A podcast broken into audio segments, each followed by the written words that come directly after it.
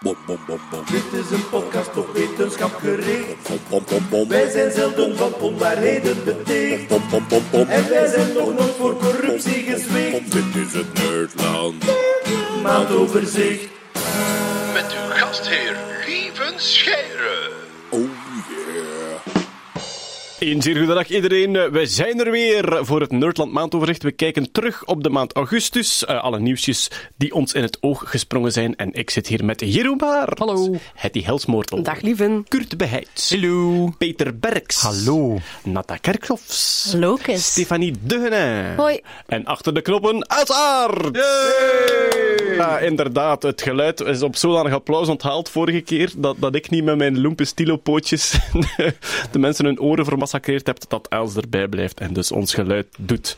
Hoera! Maar we gaan kijken naar wetenschapsnieuws en we gaan gewoon direct met de deur in huis vallen, want eh Natta, er is een Frans eh, pretpark en die gaan roeken inzetten om papieren en peuken op te rapen. Dus ja, gaan die dan Ja. de beesten eigenlijk africhten om het, om het pretpark proper te houden? Dat is, dat is eigenlijk precies wat ze gaan doen, inderdaad. Dus het is een eh, geschiedkundig themapark in, in Puy de Fou.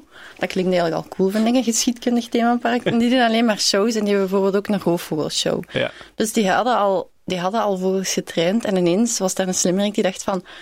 Oh my god, we moeten die vogels gaan inzetten om papiertjes en peuken op te gaan rapen. Tuurlijk. Die vogels worden daarvoor beloond. En zo houden die dat pretpark schoon. En het is ook een beetje een ludieke manier om zo... Ja, stel nou, jij gooit een papiertje op de grond en een vogel gaat dat voor u in een bakje gaan leggen. Dat komt lullig over eigenlijk. Hè? Ja, ik vrees, ik vrees dat mensen gewoon papieren en peuken gaan gooien om die beesten bezig te zijn. hè. Ik wist niet wat dat een roek was. Dat heb ik nu bijgeleerd. Een Een kraaiachtige. is een kraaiachtige. Ja. En die zijn super intelligent. De hele groep van kraaiachtigen eigenlijk is, zijn, behoren bij de intelligentste vogels. Hm.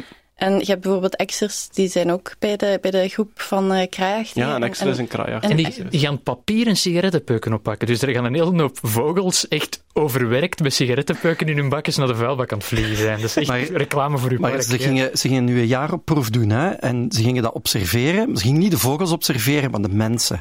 Ja. Dus ze gaan inderdaad wel de bezoekers moeten bijsturen, zodat niet iedereen daar Ja, ja. expres peuken op de grond gaat blijven om die, om die vogeltjes te gaan eh, dat zien oprapen. Maar het is geen nieuw idee, dus inderdaad, kraaiachtigen zijn geweldig intelligent. Mijn, mijn rijinstructeur, die zei, als je kraai kunt doodrijden, krijg je een rijbewijs. Dat, blijkbaar, kraaien zitten bijna nooit bij roadkill, omdat die daar te slim voor zijn. En die zitten wel altijd langs de kant van de weg. Ja, inderdaad. En dat zijn kraaien, raven, maar die heb je hier amper, denk ik. Ehm Er broeden er sinds dit jaar twee koppels, geloof ik. maar dat... eh, Vlaams-Brabant, denk ik. In Vlaams-Brabant, ja. Ik, want de raven zijn indrukwekkend groot wel, hè. Ja. En ze stinken.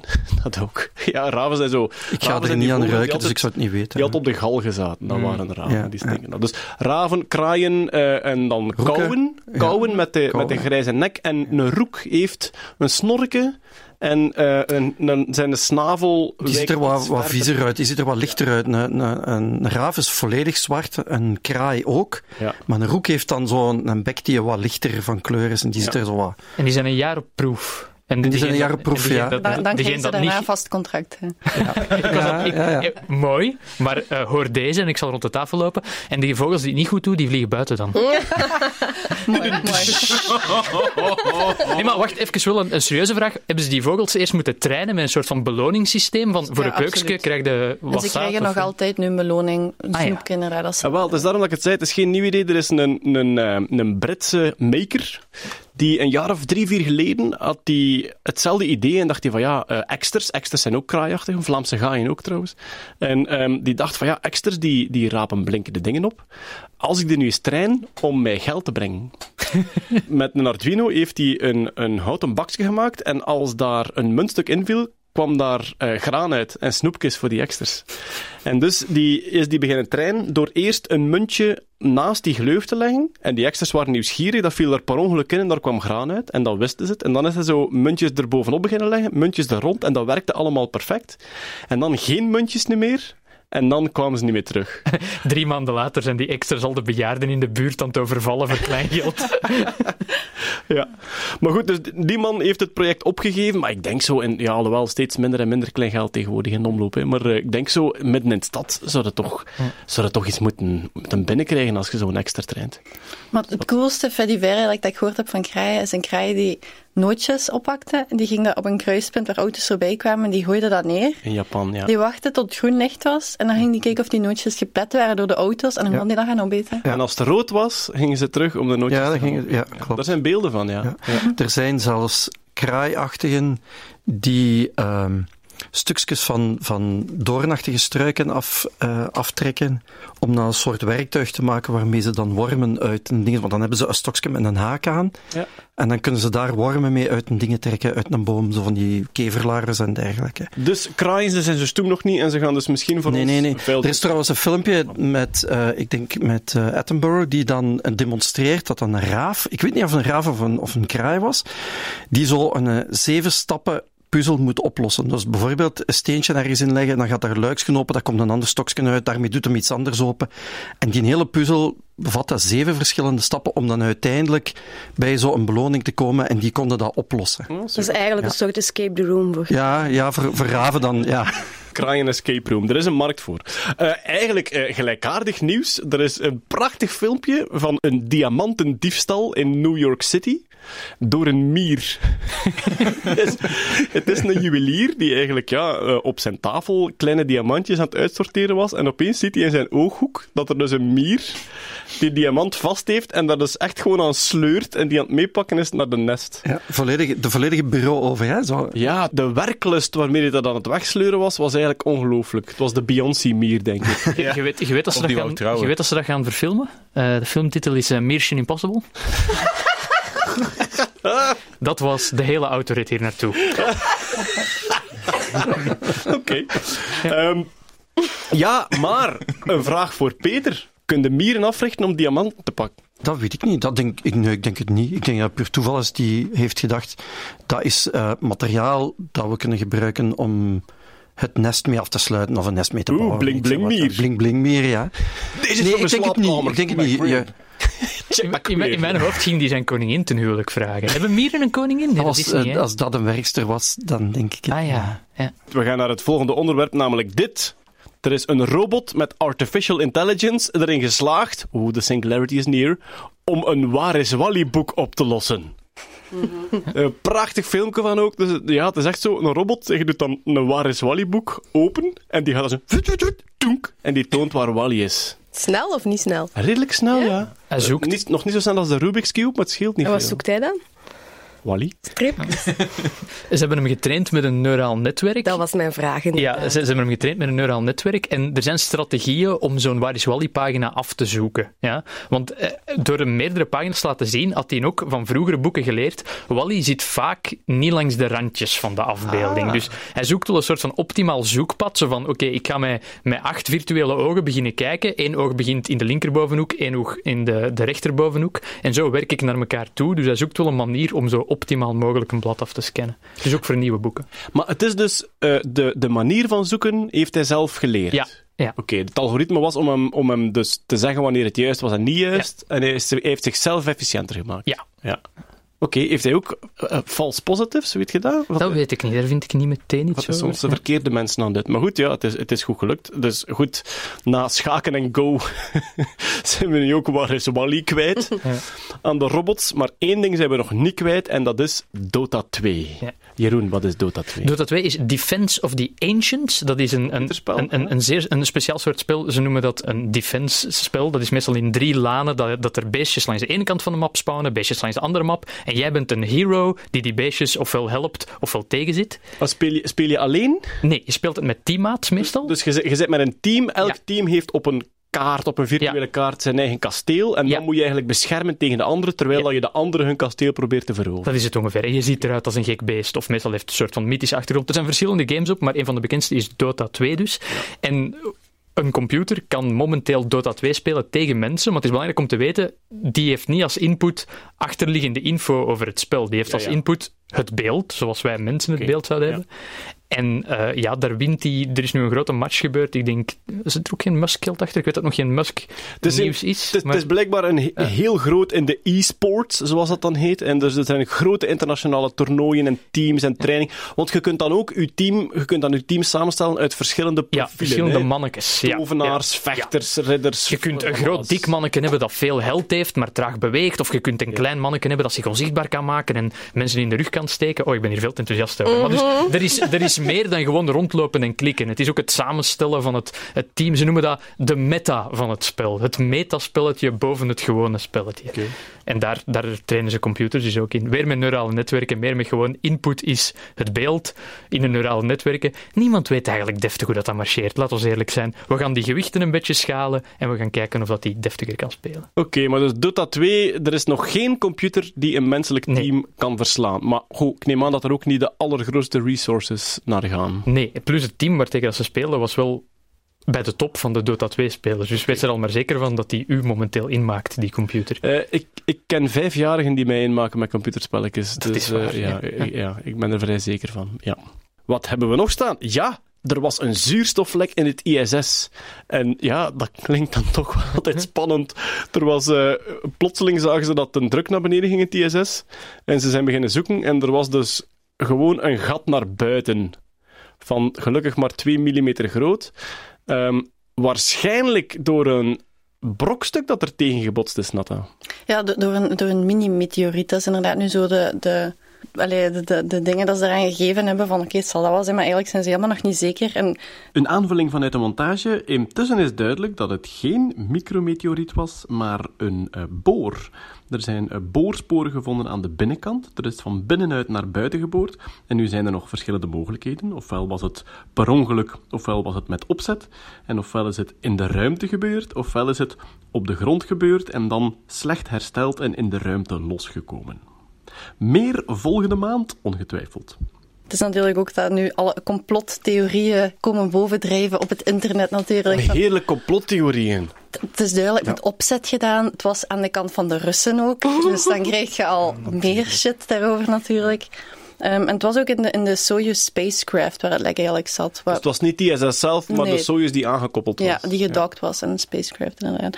En NASA zegt inderdaad dat er nooit, eh, dat de bemanning eigenlijk nooit in gevaar is geweest. Maar ja, als je zo hoort... Ik, het eerste wat ik eigenlijk dacht toen ik dat artikel las, allee, toen ik eerst las van een lek aan de Russische kant, dan zie je toch zo van die gekke cosmonauten die zo helemaal zo kauwgom in het gat gaan doen. Zo van die, die Armageddon-cosmonaut zo. Ja, daar kreeg ik zo flashbacks. Maar hoe hebben ze het hersteld? Ik heb op Fright Camp gehoord dat ze dat met gaffatape doen. Met, met Eh, epoxy blijkbaar. De eerste, het eerste wat gebeurd is, is eh, Alexander Gertz heet hij, denk ik, is een eh, astronaut van de ESA die nu in de ruimte is. En Alexander Gertz heeft er zijn vinger op gelegd. dus die heeft gewoon echt zijn vinger erop Een gelegd. Dutch boy. Een wat? Een Dutch boy. Een Duitser? Nee, Dutch boy. Het jongetje dat zijn vinger in de dam steekt in de Nederland. dijk... Ah, Dutch ja, boy. ja, ja, die de dijk. Is dat ook een term in de darkroom? Dat heet een Dutch boy. Ehm, ja, dus Alexander Gertz heeft er zijn, eh, heeft er zijn vinger op gelegd. En Erop, ehm, erop, ja. hij is nu waarschijnlijk de enige persoon ooit die de ruimte aangeraakt heeft. Dus hij heeft met zijn vinger, heeft hij Zonder twee, ja, ja. Dus hij heeft nu met zijn vinger 2 mm breed contact gehad met outer space. En dat is waarschijnlijk nooit eerder gebeurd. En geeft dat dan geen eh, verwondingen? Blijkbaar niet. Blijkbaar is het, is het fijn genoeg om dan, ja, is dat dan capillair effect of zo? Of heb je dan toch nog genoeg spanning op je huid om dat tegen te houden? Maar blijkbaar dus niet. Ik zat ook met dat schrikbeeld dat door dat gat van 2 mm dan alles naar buiten gezogen Ja, werd. ik- dat dacht ik ook, dat die echt zo door een soort van echt poepgaatje getrokken zijn. Maar Ja, maar nee, dat, is- denk ik nu niet. Maar ik, ik zou wel denken aan een soort eh, vrieswond, eh, verbrandingswond. Wel, je verliest warmte, maar je verliest enkel stralingswarmte, want de ruimte is een vacuüm, dus is eigenlijk een grote thermosfles. Dus je verliest enkel je stralingswarmte, waardoor dat je vinger niet echt snel bevriest. En hoe hebben ze dat gat langs de binnenkant eigenlijk ontdekt? Want langs de buitenkant kunnen ze misschien iets zien, maar langs de binnenkant, als dat zo... Drukdaling, Ja, ja oké, dan dan uit de ruimte, zoeken. maar hoe weten ze waar in die ruimte? dat weet ik niet. Ja, gezien? dat weet ik ook niet. Nee, ik weet dat Ground Control had opgemerkt dat inderdaad de druk aan het verlagen was in de, in de cabine, maar ik weet niet hoe ze dat gevonden hebben. Nee, Ja, Maar ze hebben zelfs nog een team selfie genomen nadat het hersteld was. Dus ze hebben inderdaad, ze hebben er eerst eh gaffa-tape, het is eigenlijk ehm warmte-resistente tape hebben ze erover geplakt. En dan hebben ze er doeken tegen ge- geduwd. Zoals dat vroeger met de schepen gebeurde. Hè. Als je vroeger, als er, als er een, een kanonskogelgat was onder water, dan sprong er iemand langs buiten in het water. En die gooide planken en doeken tegen dat gat, wat dat door de waterdruk daartegen geduwd werd. Waardoor dat je tijd had om dat te herstellen. En nu zijn ze aan het checken hoe dat ze het herstel, gaan, gaan herstellen. Maar wat ik me vooral afvraag is, ja, is die Soyuz nog wel bruikbaar om terug mee naar de aarde te vliegen? En als dat niet zo is, hoe gaan ze dat logistiek oplossen dat die astronauten terug naar beneden komen? Ze zouden, ze zouden blijkbaar tijd hebben. Dit zou nu zo'n temporary fix zijn, maar ze zouden het effectief daar wel kunnen maken en dan veilig terug naar aarde terugkomen. Ah, juist, maar ze, hebben een Elon- andere, ze hebben een andere reserve Soyuz als escape-capsule. maar Elon Musk gaat wel een duikboot sturen of zo. Kunnen ze geen space shuttle afstoffen? Ja. Oh man, wat een Hollywood-scenario. We gotta get it out of the museum. En dan die space shuttle terug afstoffen en terug En, dan kunnen we die gekke cosmonaut van Armageddon bellen. terugvragen. Ja, en, toch, en dan toch zo één auto. I don't want to close my eyes. Bruce Willis is dan de enige automechanieker in Amerika die dat soort type motor nog kan herstellen. Why did you call me? I told you I was out, but you pulled me back in. Eh, Alexander Gerts trouwens, die dus eh, ja, op Nederlandse dijkwijze het gaatje dichtgehouden heeft met zijn vinger, die heeft eh, nog een primeur. Hij is de eh, eerste astronaut ooit geworden, de voorbije maand, die vanuit orbit een robot bedient op de planeet. Dus ze hebben een humanoid robot met armen en een gezichtje. Eh, hebben ze geïnstalleerd, ik denk in Keulen was het, bij de ESA. En dus eh, Alexander Gerts heeft dat vanuit het ISS heeft hij die bediend. En dat was een soort testcase om in de toekomst, ja, als het gaat over de maan of over Mars, om vanuit orbit robots te bedienen tot als het daar veilig en goed is. Omdat het gewoon veel, technisch veel haalbaarder is om de astronaut in orbit te laten en uw robot naar beneden te laten, dan om de mens echt naar beneden te laten komen. Dus dat was een, een testcase voor, eh, ja, voor eh, in de toekomst. Ook nieuws uit de biologie, uiteraard. Er zijn nieuwe sluipwespen ontdekt. En dat gebeurt wel vaker, maar deze waren 30 miljoen jaar oud. Peter. Tuurlijk, gefossiliseerd. Ja, ehm, het zijn er vier nieuwe. En ze hebben die gevonden in eh geparasiteerde vliegenpoppen. Maar dat is, dus- dat is echt Ja. een beetje Inception-entomologie. Dus Ja, je, is- vindt, je vindt een, een vliegenfossiel van 30 miljoen jaar oud. Ja, en ik vraag, mij, wel, ik vraag me dan af, hoe, hoe vind je dat? Ik bedoel, vliegenpoppen, oké, dat, dat kan ik nu zo wel... Sorry, wat wel- is een vliegenpop? Voor mij is dat letterlijk een pop voor een kleine vlieg. Pop. Ehm, Begin bij nul, Peter. Goed, ik begin bij nul. Ja. Vlieg legt een eitje. Uit de ei komt eh, een larve. In het geval van de vliegen heet dat dan een made. Dat zijn die Ja? grappige beesten die op uw GFT-container zitten als je daar in plaats van groente een dode vis in gooit. Check. Eh, en die je in de, in de winkel, in de hengelsportwinkel ook wel een keer kunt vinden. Die beestjes die moeten zich verpoppen. Dus dat moet van made een vlieg worden. Dus het tussenstadium is een pop. En dan ziet dat er eigenlijk uit als. Bij vliegen heet dat dan een beetje, is dat een, een beetje een ander systeem. Dat ziet er eigenlijk meestal uit als een bruin tonnetje. Oké. En in zo'n bruin tonnetje hebben ze zo'n sluipwesp gevonden. Ja, eh, het grappige is, ja, je ziet, dat, dat ziet er aan de buitenkant gewoon eh, een steentje uit. En ik, ik vraag me dan in godsnaam af, hoe, hoe, je vind dat je dat? Hoe weet je dat dat dat is? Want eh, ja, ik heb die foto's bekeken, dat zien er gewoon van die kleine kiezelsteentjes uit van, van eh 4, 5 millimeter groot. Zijn, En- zijn die man die dat ontdekken, zijn dat dan zo de Beatles van de entomologen? Ja, dat, dat moet wel. En die kerels, maar blijkbaar zijn die, zijn die in de jaren 40 al gevonden in Frankrijk. En de, de, de entomoloog die die beschreef, dus die had al door, dat zijn, dat zijn eh, gefossiliseerde vliegenpoppen. En nu hebben ze dan daar eh synchroton micro-CT-scans op losgelaten. Dus dat is een CT-scan, hè, dus met eh röntgenstralen. Micro-CT-scan is blijkbaar omdat uw resolutie dan kleiner is dan een micrometer. En waar dat Ik je... een hele schattige kleine medische scanner voor. Dat Ja. zo'n steentje in zo'n ziekenhuispyjama. Met, met een deeltjesversneller blijkbaar, want het is Oh. een synchrotron eh micro-CT. Zeg maar, is dat, dan, is dat dan een toevalstreffer dat die beestjes geparasiteerd waren? Of zijn er gewoon heel veel insecten die geparasiteerd zijn? Ja, er is, eh, er gaat, ze gaan ervan uit dat 50% van alle levende wezens, dieren dan, dat dat eigenlijk para, dat dat parasieten zijn. Je moet er ook van uitgaan dat elke insectensoort minstens één parasiet heeft. Dus er, er, elke er is een tijdje, ja, er is een tijd geleden eh, een onderwerp geweest, maar het was niet aan bod gekomen in de podcast, dat ehm, men beweert altijd dat de insectengroep die het meest wijd verspreid is, dat dat de kevers zijn. Er zijn 300.000 kevers 300.000 keversoorten bekend op een, ongeveer eh, een miljoen soorten insecten. Maar nu zijn er een paar van die uh, sluipwespen-specialisten die zeggen dat is allemaal flauwekul, want minstens elke keversoort heeft op zijn minst al ene parasiet. En dat is meestal een sluipwesp. Dus, dus er zijn op zijn minst al 300.000 sluipwespensoorten die op die kevers parasiteren. Maar er zijn er ook die op de vlinders parasiteren, op andere beesten ook nog. Dus de meerderheid van de... Ene, ene parasiet ermee bedoelde een andere soort. Een andere soort, ja, ja, ja, ja, Zo, ja. Johan. Dat is 30 miljoen jaar terug. Dat zijn soorten die intussen niet meer bestaan en doorgeëvolueerd Ja, zijn tot ze andere. hebben- ja, Kunnen ze die een beetje duiden in zo... Die, die, in zo Ja, ja, ja, ja, ja. Ze, ze, weten hebben die, ze weten welke groep het zijn. Het zijn braconides, dus die, en die braconidewespen die bestaan nu ook nog altijd. Dat zijn bijvoorbeeld de sluipwespjes, eh, sluipwespjes die je kan terugvinden in de bladluizen. Dat zijn braconides. En eh, het was ongeveer 4% van de vliegenpoppen die ze hebben gevonden. Het waren er ongeveer 1500 stuks. 4% is geparasiteerd. En ze hebben daar dus vier soorten sluipwespen in, in eh, kunnen beschrijven. Ze hebben er eentje genoemd Xenomorphia resurrecta. En die Xenomorpha is eigenlijk genoemd naar de Xenomorph, het monster uit Alien. Ah, oké. Ja, en Resurrecta... Cool. Ja, Lijkt ja. hij erop? Wat blieft? Lijkt hij er ook op? Nee, nee, die lijkt er helemaal niet op. Oh, nee, oké. jammer. Oké, anticlimax. Ja, wat ik dan het mooie eraan vind is. Ze laten in een, in, in, in een filmpje dat bij het artikel zat, zo de, de scan zien, heel de, de slices. En dan bouwen ze die sluipwesp gewoon digitaal helemaal terug op. Ah, ze, Vandaar, ja, ja, ja, ja, ja, ja. Dus ze kunnen, ze kunnen die laagjes zien. Uit die laagjes zie je dan het 3D-beeld van die sluipwesp die zo mooi opgevouwen ligt. En dan plooien ze die eigenlijk digitaal helemaal open tot het beestje dat dan op die dingen zit. Ah, cool. Je kunt er een STL-file van maken en een 3D-print. Ja, en je kunt hem 3D-printen. Ah, oké, yes. super. Er is ook nieuws uit de wiskunde, meer bepaald uit de wiskunde die te maken heeft met pasta. Zoals wel eens gebeurt. Namelijk, wiskundigen hebben ontdekt hoe je pasta in twee stukken kan breken.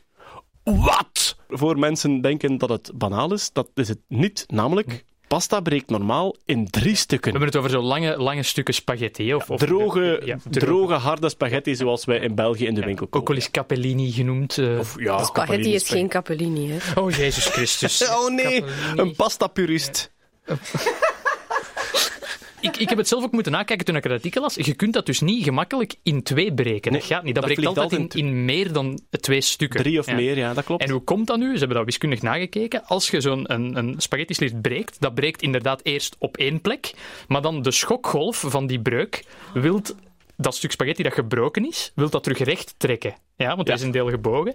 En door dat terug recht te trekken, de, die willen, die kracht die erachter zit, is er zoveel druk op een ander deeltje van de nog niet gebroken spaghetti dat dat daar ook breekt. Dus je hebt altijd minstens drie stukken, vier stukken.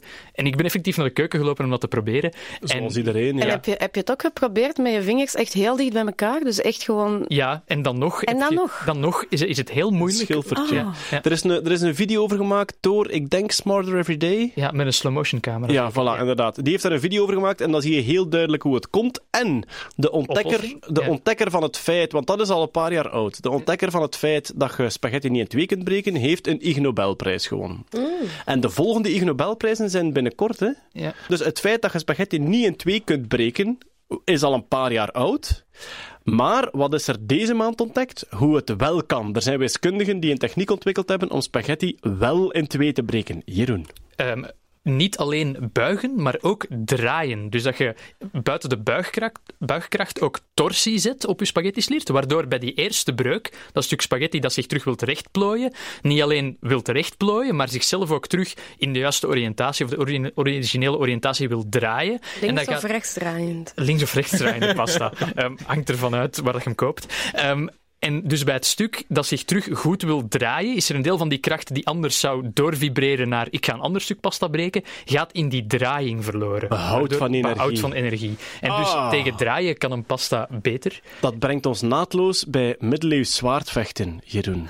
Is dat... ik, ben daar niet op voorbereid, lieve. Een, een, een kameraad van mij was eh, zwaardvechter. Want je Was. Ja, ja, ja. ik heb hem lang niet gezien. Dus je, je kunt dat tegenwoordig nog doen. Ik denk onder andere in Belfort is er een zwaardvechtersclub. En je kunt dus echt nog met middeleeuwse zwaarden kun je zwaard vechten. Al legaal gezien. Ik dacht, van, Ja, ja, je kunt legaal. dat overal doen, maar ja. Dat is waar. En eh, in Tsjechië worden nog zwaarden gemaakt op middeleeuwse wijze. Ik heb er uiteraard zo eentje gekocht, want ik moest dat dan hebben. eh, en dat ligt nu verroest in mijn schuur. Bon. Ehm, maar, maar, wat heeft die mens mij geleerd over dat zwaard? De lengte van een zwaard eh, is altijd, ehm, of is heel vaak, anderhalve keer de vibratielengte van dat zwaard. Dus je moet je voorstellen, als je een zwaard een tik geeft, dan komt daar anderhalve sinusvorm in. Dus je hebt na een derde van het zwaard heb je een buik in je sinus, na twee derde heb je een knoop, dus dat staat stil, en de punt is weer een buik en gaat heen en weer. En de bedoeling is, als je een slag krijgt, dat er zoveel mogelijk energie in vibratie omgezet wordt, en niet in de slag. Ah, ja. En dus wat je doet met die spaghetti, je geeft daar een torsie aan, zodat een terugslag opgesoupeerd wordt door uw vibratie en niet door uw, ja, door uw heen en weer gewiebel. Naadloos. Ja, voilà. Ehm, de Ig Nobelprijzen zijn op 13 september. Maar dat is dan midden in de nacht. Hè. Dus dat begint dan voor ons, ik denk om half twaalf of zo. De uitreiking van de Ig Nobelprijzen donderdagnacht, 13 september. Zijn die live te volgen? Ja, die zijn, eh, eh, de Ig Nobelprijzen zijn het oudste continu gelivestreamde event ter wereld. Dus zij waren de eerste in 1995, denk ik, om het te livestreamen over het internet. Ah, over het internet, want ik dacht, Eurovisie Songfestival... Ah, nee, nee, nee, ook- eh, ja. over het internet, inderdaad. En dus sinds, sinds 95 hebben zij elk jaar een livestream van het event. eh, en die is te volgen. Er worden ook watchparties georganiseerd. We hebben er een tijdje terug hebben we er een gedaan. Ja, met- Drie of vier jaar terug. Met de schuur van Scherpen. Met de schuur In van Scheren. 95 was In livestreamen nog met Real Player. Alleen 90s kids hebben deze verwijzing. Goed, ja. Ja, maar ja. dat zal waarschijnlijk zo zijn. En waarschijnlijk ook met, met ja, pixels van een vierkante kilometer. En heel veel lag. Ja. Ja. Maar dus eh, donderdagnacht eh kunt je naar de Ig Nobelprijzen kijken. Ik weet nog niet of ik ga opblijven. Of gaan we watchparty houden in de Karper? Ja. Is er animo voor een watchparty? We, gaan zien, we, gaan zien, we gaan zien. We zullen op Twitter wel afspreken of we een watchparty houden voor eh, de Ig Nobelprijzen donderdagnacht. Kijk, als je dat 13 gewoon zonder mij wilt doen, dan zeg je dat beter gewoon nu. Allee. Er is uiteraard CRISPR-nieuws. Hoe kan het ook anders? Eh, CRISPR, voor de mensen die de eerste keer luisteren, de revolutionaire... Wat is ons zinnetje? We hebben een vast zinnetje om het direct... De revolutionaire techniek. om snel en goedkoop veranderingen aan te brengen in het DNA van om het even welk organisme. Er wordt geweldig veel gecrisperd, nu al op planten en dieren. Op de mens is het nog een beetje moeilijk, maar er is heel lang een verbod geweest, denk ik, CRISPRen op de mens. Op embryo's van de mens. Embryo's van de Als mens. het om, om terminale kankerpatiënten gaat, dan, eh, dan doen we het wel. Hè. Ja, er zijn denk ik twee categorieën in, dat, in, in wat je nu zegt, crisperen op embryo's. Je kunt crisperen op een embryo die een paar cellen groot is, waardoor dat al het DNA van heel het lichaam veranderd Ja. wordt voor de rest van zijn of haar leven. Of je kunt bij een uitgegroeid persoon Ja. gaan crisperen op stukken weefsel en proberen om daar de vele, vele, maar dat veel moeilijker is, neem ik aan. Wat dan heel stuk moet... Voilà, exact. Je moet inderdaad je CRISPR-systeem binnenkrijgen in, in elk van die cellen. Ehm, maar daar zijn ethisch net iets minder bezwaren tegen. Ah, ja. Omdat je niet aan, aan embryo's morrelt, om, Ja. het, om het zo te zeggen. Ja. Oké, maar er Ja. is dus nieuws over die tweede techniek, het crisperen op delen van weefsel Ja. Van ja, zoogdieren, zullen we Ja, maar zeggen. wat, wat tot nu toe heel moeilijk was. Hè. Eh, CRISPR, fantastische technologie, eh, zal zeer eh, revolutionair blijken binnen dit en ik denk amper tien jaar. Maar ehm, het probleem op dit moment is dat we geen goed systeem hebben om CRISPR ter plaatse te krijgen in volwassen eh, individuen. Wat is er gepubliceerd in eh, Science op de valreep van de maand augustus, eh 30 augustus, dat men erin geslaagd is om de spierziekte van Duchenne te genezen in honden met behulp van CRISPR. En Duchenne is een, is een genetische Ja. spierziekte. Eh, Duchenne is de meest voorkomende genetische eh, spierziekte. Ehm, ja, echt eh, vrij ernstig. Hè. Eh, kinderen die, die komen gemiddeld op 10-jarige leeftijd in een rolstoel terecht. Levensverwachting 30 à 35 jaar. Dus, Vandaag de ehm, dag, hè, want vroeger vandaag veel de- minder, Ja, absoluut. Met de medische vooruitgang nu al. Al, hè, 30. Ehm, dus, dus zeer ernstig. En eigenlijk te wijten aan één enkele mutatie in, eh, in één enkel gen, in het dystrofine-gen, dat eh, belangrijk is in de opbouw van spieren. Op het X-chromosoom. Ja, klopt. Het ligt inderdaad op het X-chromosoom, waardoor voornamelijk jongens last hebben of eh, de ziekte krijgen. Hè. En Vrouwen, vind ik- dat- meisjes dat- hebben ja. twee X-chromosomen.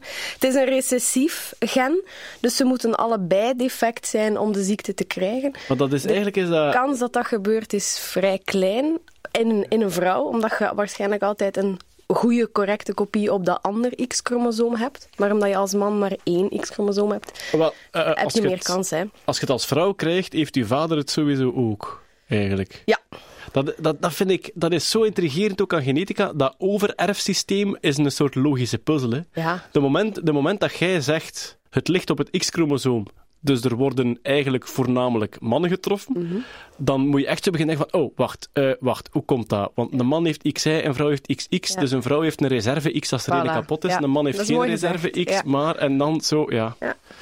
Goed, maar ehm, ze hebben het nu, dus het komt voor bij de mens, maar het komt ook voor bij andere zoogdieren. Ja, klopt. Heel toevallig, een, een jaar of tien geleden, eh, opgedoken in, ik moet even spieken, ik ken niks van honden, King Charles Spaniels. Ik weet niet wat er hondenliefhebbers... Nee, ja, Ik, nee. zie nu, ik zie nu voor mij een soort bruin-wit gevlekt beest met lange ja, oren. met lange oren. Ik, Ik heb denk het dat gegoogeld. zoiets was, ja, ja. goed. Gewone beestjes wel, Ja. jachthonden oorspronkelijk. Ja, dat weet ik niet. Ja.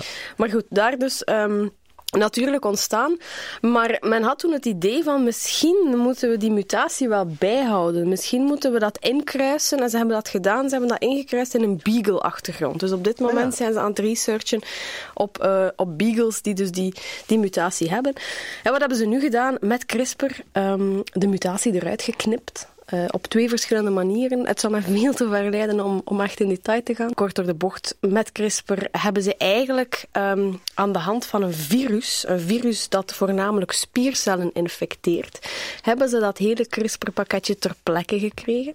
Dat hebben ze op twee verschillende manieren gedaan. Ze hebben ofwel heel veel virusdeeltjes in het achterbeen ingespoten van die honden, of intraveneus, dus in de bloedbaan. Oké. En die zijn allemaal terechtgekomen in spiercellen. En dan hebben ze gekeken, ja, eh, het probleem is dat dus dat, dat gen, dat dystrophinegen is volledig afwezig als je, als je die ziekte hebt. Bestaat niet. Bestaat niet, is bedoel, kapot. Ook, ook niet in stukkenvorm, of het Ehm, bestaat in, in een vorm met een verkeerde letter in? Eh, nee, het wordt, het wordt echt veel te kort eh, gestopt. Dus Ah, het ja. is totaal niet functioneel, dat eiwit. Ehm, dus, en men, men heeft berekend of, of gevonden dat je eigenlijk met 15% van dat eiwit, moest je 15% kunnen terugkrijgen in die spiercel, dat je eigenlijk bij mensen wellicht die ziekte kan, kan gaan omkeren. Nu, bij die honden is men erin geslaagd om, in geslaagd om tot 90% van, eh, van die eiwitten te herstellen, door ze dus via een virus met CRISPR binnen te brengen. Dus om terug te keren naar die techniek, het Ja. gaat er hem niet om dat je eh, vlak na de bevruchting de embryo corrigeert, zodat Nee. hij de juiste genen heeft. En dat is echt het wonderbaarlijke aan dit verhaal. En dat is gewoon gepasseerd. Het is niet in de mainstream media geweest. Het is Ja. de eerste keer dat het in dit soort grote zoogdieren ge- gelukt is. Dus je spreekt over een volwassen zoogdier, ja, waarbij dat ze waren je- één maand oud, die pups. Ja, Maar- voilà, oké, maar dus in Ja, vergelijking met voilà. een viercellige embryo, nee, een totaal iets een anders. volledig organisme, ja. En dus je wilt op dat moment één type weefsel Ja, ah, eh, ja, corrigeren. corrigeren. Ja. En dus ze hebben virussen gebruikt die specifiek op dat type weefsel, namelijk Ja. die spiervezels, be- bestaan, bestaan voor alle Ja. type weefsels dat soort specifieke Voor, virussen? voor een aantal, ja. Eh, dit is wat AAV9-virus, eh, dat, dat specifiek spiercellen eh, infecteert. Ja. En wat doet dat virus? Levert dat de eiwitten af die ze nodig hebben, of gaat dat echt de cel die eiwitten laten maken ook? Dat levert een CRISPR-pakketje af, dat een knip gaat maken en dus de correctie gaat doen van het kapotte gen. Het gaat het kapotte gen echt herstellen. Dat gaat in de kern van de Ja. eigen cel van Ja. de hond, Ja. Corrigeert de fout, ja. en die cel doet wat het moet doen Voilà. plotseling. We, we hebben net een hond thuis, eh Hetty. Als die ziek wordt, wilt je mij dan beloven dat jij die gaat crisperen? Jeroen heeft een hond en hij is zo Ik ben week van binnen. ik ben echt een, een, Ja. een zacht gekookt eitje geworden. Maar jij mag hem dan crisperen als hij ziek is. Pon- Poncho. Ja, Poncho de hond mag gekrisperd worden. Jeroen heeft een hond en Bart van Peer heeft een baby. Ja, dat is eigenlijk beter nieuws. Proficiat, Bart van Bart. Peer heeft een baby en heeft een prachtige naam voor zijn dochtertje. Ada. Ada. Oh. Oh, genoemd naar Ada Lovelace, eh, die eigenlijk, ja, zij wordt ehm, de, ja, de moeder van de programmeurs genoemd. Zij was de eerste die een computerprogramma beschreven heeft toen er nog geen computers of computerachtige toestellen waren. Er was, ik denk, een, een vriend van haar die had een voorstel geschreven voor Babbage. een soort algoritme-machine. Hoe heette hij? Babbage. Babbage. En dus die had een soort ontwerp voor, als we dit nu eens bouwen, heb je een soort machine waar een soort algoritme in loopt. En zij is dan programma's beginnen schrijven voor dat machine, nog voor het bestond. Bestond en het heeft nooit bestaan. Ze hebben het Jawel, jawel, jawel. Ja? Er zijn twee versies geweest. Hè. Het eerste, de eerste versie heeft, is, is, is, er is wel degelijk een prototype geweest. En de tweede versie ging uh, ietsje verder en daar zijn alleen maar, uh, ja, daar zijn alleen maar plannen voor geweest. Ik denk dat ze dan zijn beginnen bouwen, maar toen was het oorlog en ja, ze hadden te weinig metaal of zoiets en hebben het afgebroken. Maar je kunt in uh, Londen, in het Science Museum, gaan kijken naar een, een reproductie van de uh, Babbage Engine. De Analytical Engine. Ja. Analytical Die machine, Analytical Engine, en dat is echt prachtig. En op, die, in- op die computerverdieping? Ja, die hele, die hele verdieping is smullen gewoon. Die, die, ja, die, ver- de- dat is, ik denk verdieping 4 van het Science Museum. En je loopt echt op één verdieping door de volledige geschiedenis van analoge computing. Mhm. ehm, elektrische nog voor elektronische computing had je elektrische computing. Dus die niet met elektronica werkten, maar die gewoon condensatoren opladen om berekeningen te doen. Ja, en zo. Die zijn meestal ook erg rustig op die afdeling in het museum, want dat is niet de meest populaire bij de kids. Ja, Nee, ik, vond dat dan, niet ik vond geweldig. dat niet druk bezocht hoor. Ik, er Ik heb, daar, ik heb daar een foto genomen van mijn micro SD-kaart. Met dan zo, ja, een, een honderdtal megabytes op. En daarachter zo een geheugenblok van 5 megabyte. Waar, dat je, ja, waar dat je drie man voor nodig had om die op te Ja. heffen. En dan denk je van, oké, we zijn 50 jaar verder. Het is eigenlijk eh, ja, fantastisch. In, De hele in porno-collectie in- van het internet versus een halve tiet in een machine te grootte van een keuken. Ja. Uw referentie van dataopslag Ja. is eh, eh, tekenend. hier. In het algoritme hebben ze ook, daar zat de eerste computerbug in. Hè? Inderdaad, ze hebben de computerprogramma's van, van Ada Lovelace eh, herschreven in computertaal. En deze maand is ontdekt dat er in één van haar berekeningen, ik denk van, van Bernoulli-getallen of zo, Ja. in één van haar berekeningen zat een computerbug. En dat is dus officieel de oudste bug ooit. En ze verslaat daarmee een andere computerbug, namelijk die van Grace, Grace Hopper. Hopper, ja.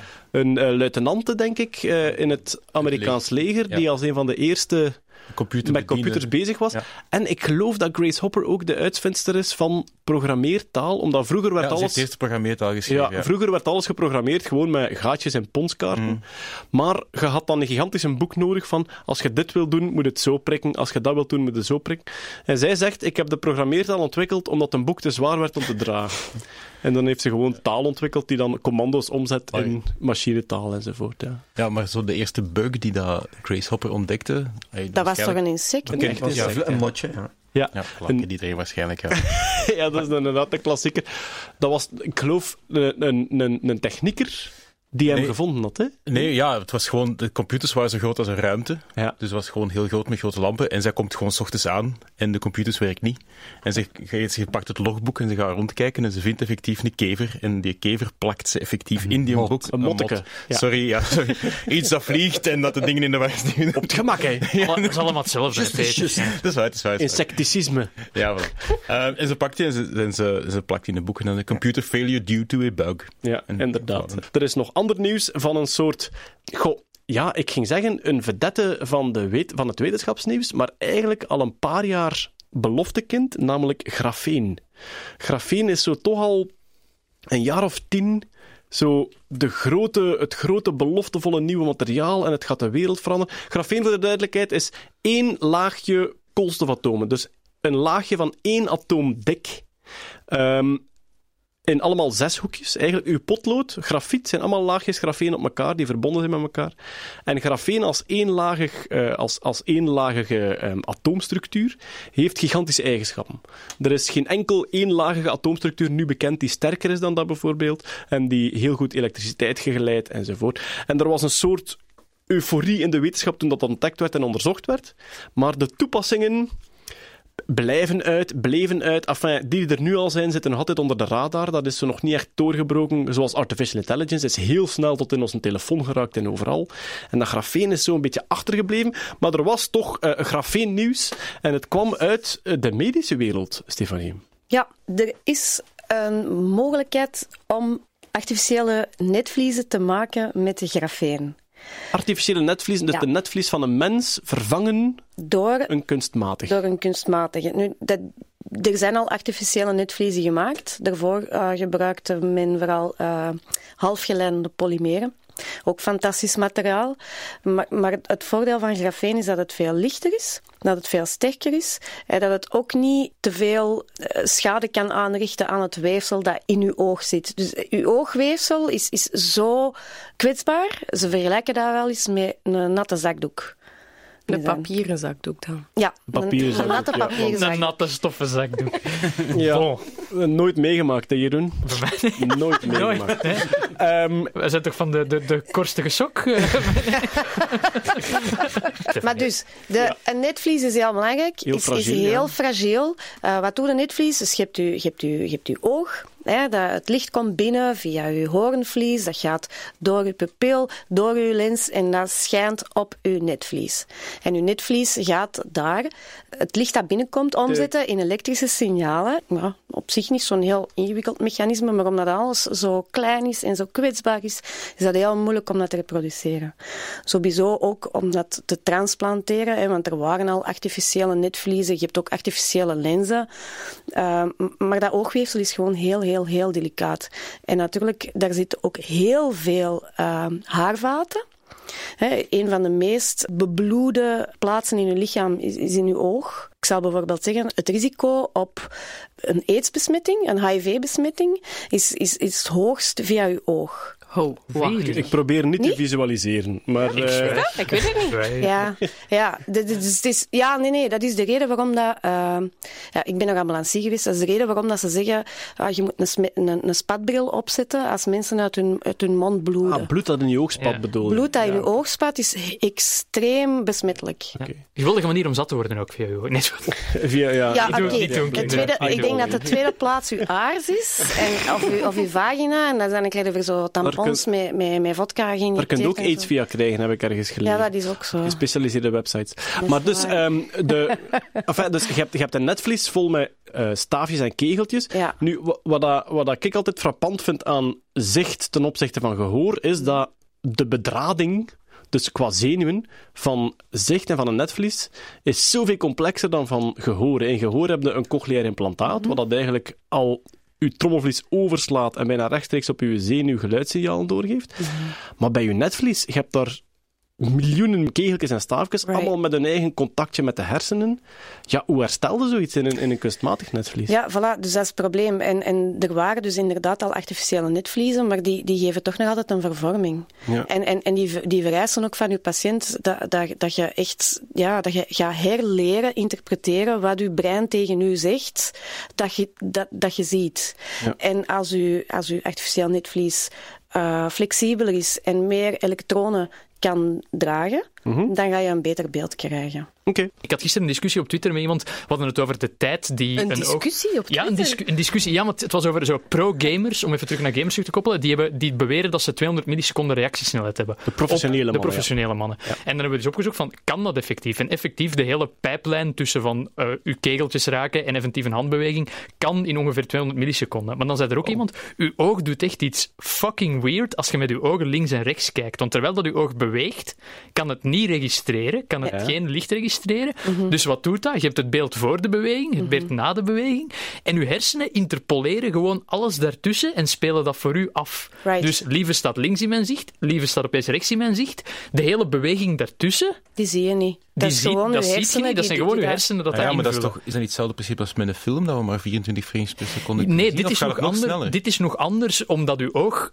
het effectief niet registreert en hoe groot dat verschil ook is tussen wat je zag voor de saccade, de saccadische oogbeweging, wat je zag ervoor en daarachter. Uw brein zoekt daar een soort van lineaire oplossing voor, die dat u geruststelt van, je bent niet even blind geweest. Daar is, is een, eh, een geweldig plezant effect, vind ik zelf, dat daarvan afgeleid is. En dat is als je naar een tikkende klok kijkt.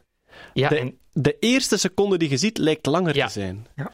Dus het moment dat je, er is iets dat heel ritmisch beweegt en je kijkt opeens naar een klok en het lijkt alsof die even stilstaat en dan pas verder tikt, omdat je hersenen dat invullen voor u. Ja. En ik heb dat, op een bepaald moment zag ik dat zelf en ik ben dat gaan opzoeken. Hoe heet dat effect? Dat is blijkbaar gigantisch, een, ja, een gigantisch bekend algemeen neurologisch syndroom. chronostasis, de illusie waarbij de eerste zintuigelijke indrukken aan een oogbeweging subjectief langer lijkt te duren. Hetzelfde effect kan opgemerkt worden bij auditieve stimuli, bijvoorbeeld de wektoon van een telefoon. Ah, dat heb ik zelf nog niet gehad. Nee.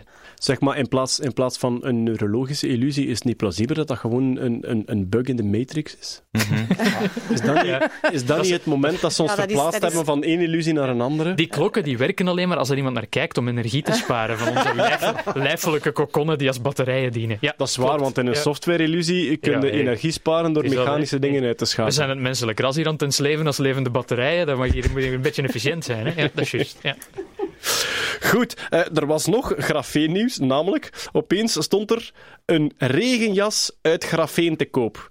En ik weet niet hoe het bij jullie zat, maar plotseling gingen al mijn bullshit-alarmbellen af, omdat ik dacht van ja, je hebt nu echt een soort materiaalkundig buzzword gebruikt om in een regenjas te steken. Je vraagt je af, wat heeft een regenjas er als nut bij?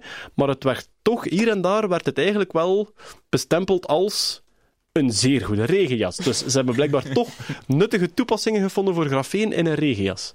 Ja, ik wil vooral punten geven aan het bedrijf, of, eh, de, de- ja, aan het bedrijf dat het heeft gemaakt, want die heette Volle Bak.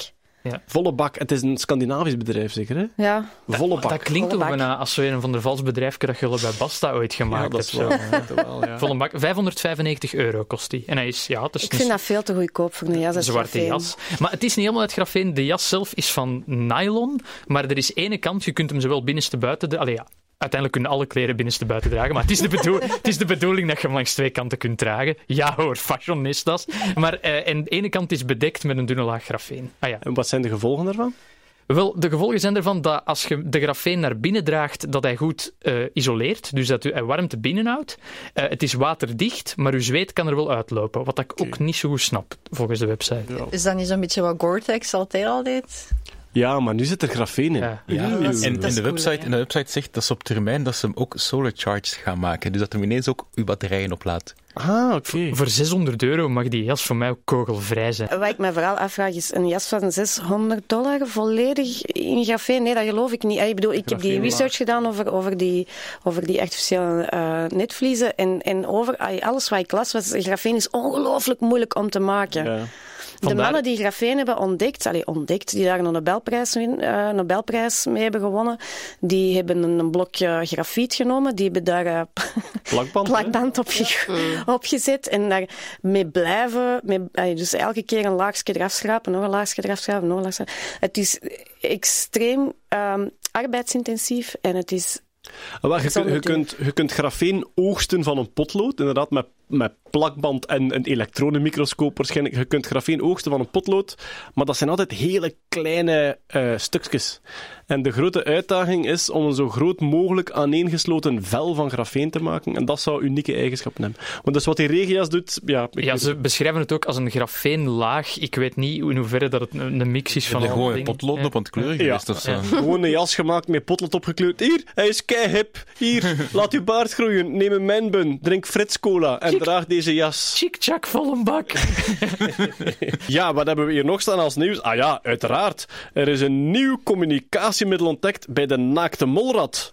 Hoe communiceert de naakte molrat, Jeroen? Je weet, als die vraag aan mij gesteld wordt, dat het antwoord 9 op de 10 keer kak is. En effectief, de naakte molrat, de, de, die hebben ook een soort van hiërarchische matriarchale structuur in hun, eh, hun kudde. Een kudde, een kudde naakte molradden. Hoe noemen ze dat, Peter? Roedel, Kolonie. Een kolonie. roedel, schmoedel, koloniezwerm. Dat klonk, Peter klonk nu echt als kolonie. En hoe, hoe, noemt Ja, men, dat je dat niet weet. Ja, sorry. hoe noemt men een groep uilen in het Engels? Een, een, een podcast? A parliament. A parliament, dat is A waar. parliament of En- owls. Een, een groep kraaien is een murder. A murder. ja. Murder of crows. En een groep eh, neushoorns is een crash, volgens mij. Allee, zeg, wie houdt het? Dat, is- dat is toch ook zo een soort vergadering van mensen die zich bezighouden. We gaan voor elk dier een ander woord verzinnen en dan pedant doen tegen mensen die dat niet weten. Dat Ja, ik wil daarbij. Waar, waar, waar is het. Dat is die club. De naakte molradkoningin die kakt. De werksters eten...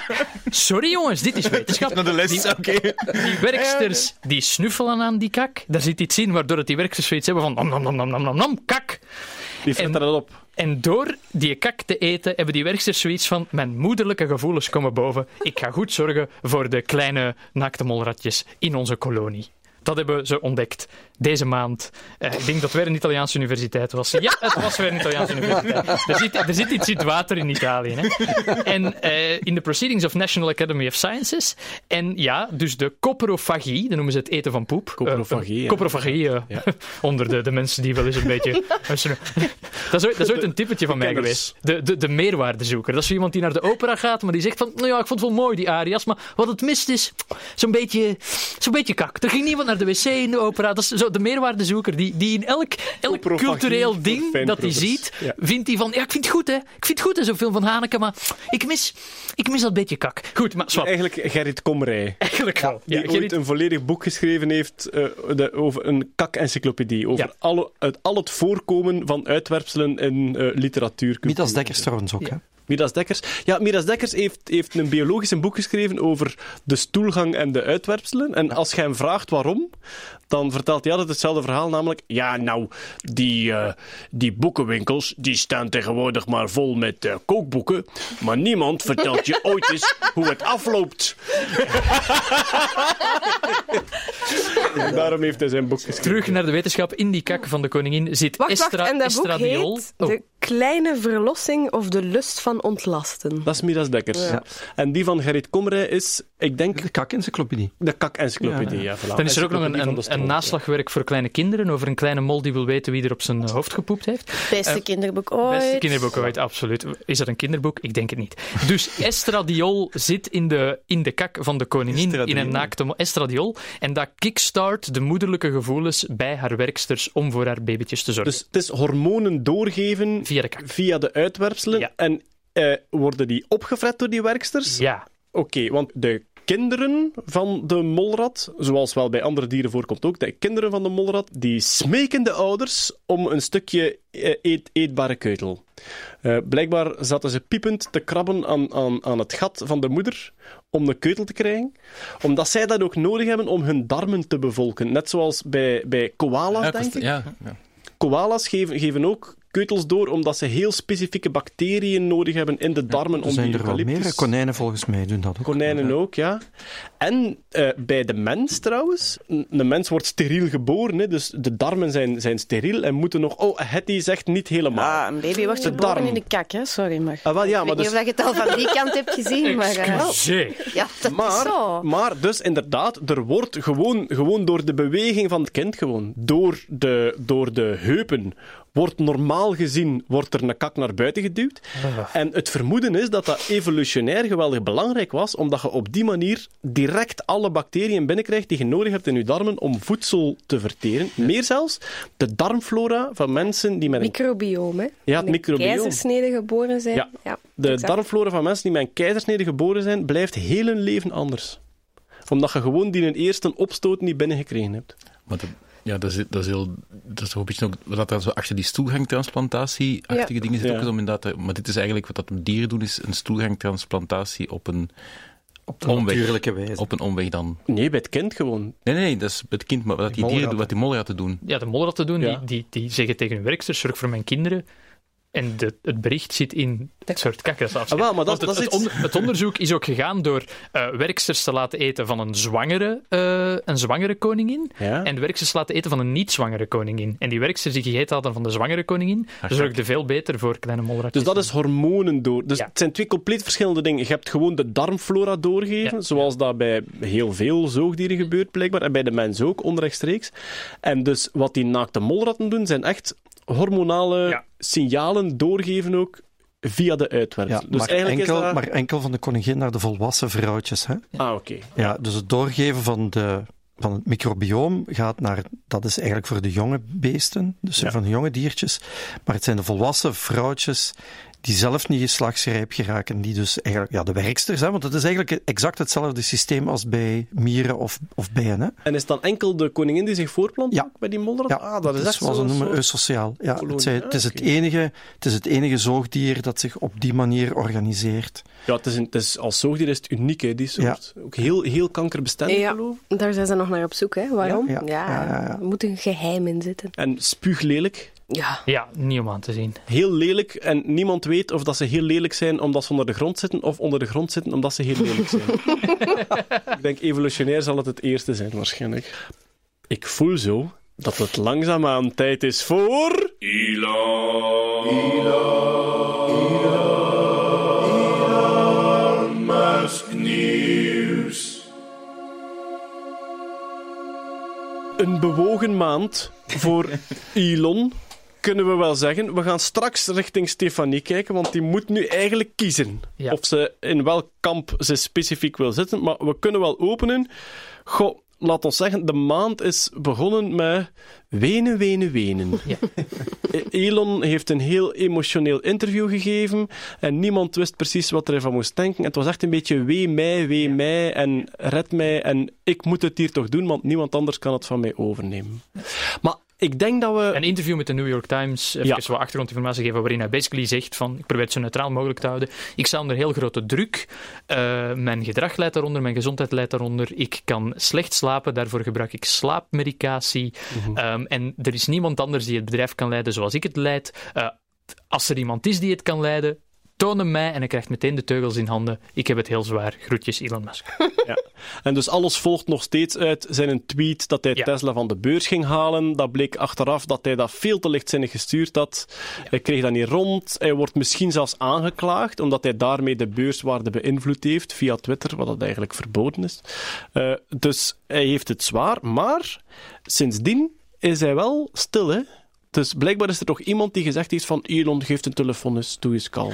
Boah. Nee, nee is, eh, heb ik, Ja, heb ik, ik, dingen weet niet. Ik heb, ik, heb hem, ik heb hem een paar dagen geleden nog, nog terug zien, zien, zien tweeten over de pedo-guy-affaire. Ja. Is dat Iemand, ja, iemand had hem gezegd van, ja, zeg maar Elon, eh, de volgende keer kun, kun, kun je een beetje rationeel, rationeler eh, antwoorden. En hij had daarop geantwoord, vind het nu ook niet gek dat die kerel mij nog niet heeft aangeklaagd? Waarop de volgende dag die kerel hem degelijk aanklaagt. Ja. Allee. Ja, dom. Even voor de mensen die, die pas luisteren. Elon Musk heeft bij het redden van de kindjes uit de Thaise grot, daar was een Britse expat bij betrokken die daar mee heeft geholpen. Elon Musk heeft die man een pedofiel genoemd, omdat die man commentaar had op Elon Musk zijn eh, duikbootproject dat hij had opgestuurd naar Thailand, dat uiteindelijk niet gebruikt is. En Musk vond er niks beter op dan die man een pedofiel te noemen, omdat hij een buitenlander was die in Thailand leefde. En iedereen weet dat als je een buitenlander bent en je woont in Thailand, dan ben je een pedofiel. Blanke man van middelbare leeftijd woont in Thailand, dus dat was eigenlijk zijn conclusie. Ja, bon. Goed. Ja, ehm, heeft iemand de eh Azealia Oh Banks my God. episode Ik, gevolgd? ik heb het geprobeerd, maar ik denk dat ik stilletjes aan niet meer mee ben met de kids. Sorry, het was echt... Het was... Azalia Banks is een... Ik heb het pro- geprobeerd samen te vatten. Is een Amerikaanse R&B slash hip-hop artiest. R&B en hip-hop, dat is zo'n soort van... Daar heb ik ook moeten opzoeken. Nee. Mijn ma noemt dat webbede webbede muziek. Ja, die was uitgenodigd door Grimes, op dat moment nog steeds het lief van Elon Musk, om naar Elon Musk zijn villa te komen in Los Angeles. Azalia Banks heeft daar vervolgens een paar dagen in die villa rondgelopen en Musk slechts sporadisch gezien. Dus Grimes had die uitgenodigd om Ja. samen muziekjes te maken, maar omdat Elon hem compleet in de nesten gewerkt had met die een tweet, was dat er niet van gekomen. Azealia Banks had daar rondgelopen en was ambetant omdat niemand naar haar gekeken had. Naar niemand naar gekeken. Maar had wel alles gehoord wat er gebeurd was. Inderdaad. Zij eh, heeft vervolgens in een reeks Instagram stories, denk ik dat het, dat het ja, de kids doen dat. Het, zijn een soort van foto's en ze zijn er en dan zijn ze er weer niet en ze staan niet chronologisch. Zwat. Heeft in een, een, een hele hoop tekstjes heeft Azalia Banks uitgelegd hoe Elon Musk eh, allegedly onder de invloed van drugs was toen hij eh, de tweet stuurde over ik pak eh, Tesla eh, eh, privaat terug. Heeft Elon Musk ook avances gemaakt op Azalia Banks? Beweert zij? Beweert Ja. zij. We, we- we gaan oppassen wat dat we zeggen. Het was alleszins een heel raar verhaal, want op het einde zei ze zelfs van de mensen van Elon Musk moeten mijn telefoon teruggeven. Dus het is een week, zijn het zo rare foto's en tekstjes geweest, wat Maar we ervan heeft- moeten denken, ik weet het niet. Zij heeft ook heel veel privé-sms-conversaties. Enfin, ik zeg nu sms omdat ik oud ben. Dat zal dan Ja. wel eh, WhatsApp of Instagram Messenger zijn of zo. Telegram. Ehm, en, Snappies, zoals eh, voilà. En heel veel conversaties tussen haar en Grimes, Ja. die allemaal qua toon onderpuberaalst waren, gingen over de lengte van de piemel van Musk en, en Ja. dat soort dingen. En Zeer groot, zij- allegedly. Eh, we die zijn heeft zij, met ah, voilà, dus eh, eh, eh, Grimes zei, hij heeft een grote piemel, en zij zei, ja, maar jij bent mager, dus in uw foef voelt waarschijnlijk alles groot. Dus dat was ongeveer het niveau van die conversaties. Ja, daar ging het over. En die, dus die was zo kwaad omdat niemand naar haar gekeken had in dat weekend, dat die foto's van die conversaties gewoon publiek gezet heeft. Dus we kunnen nu meekijken waar de rich en de famous op puberale wijze over over heen en weer babbelen. En dat is dus, zoals we al een paar maanden zeggen over heel die Musk-affaire, dat is de zegen en de vloek van die social media. Dat is dat je echt kunt binnenkijken en gewoon kunt zien van ja, ehm, die superrijken en die zakentop zijn gewoon ook idioten, maar met meer geld.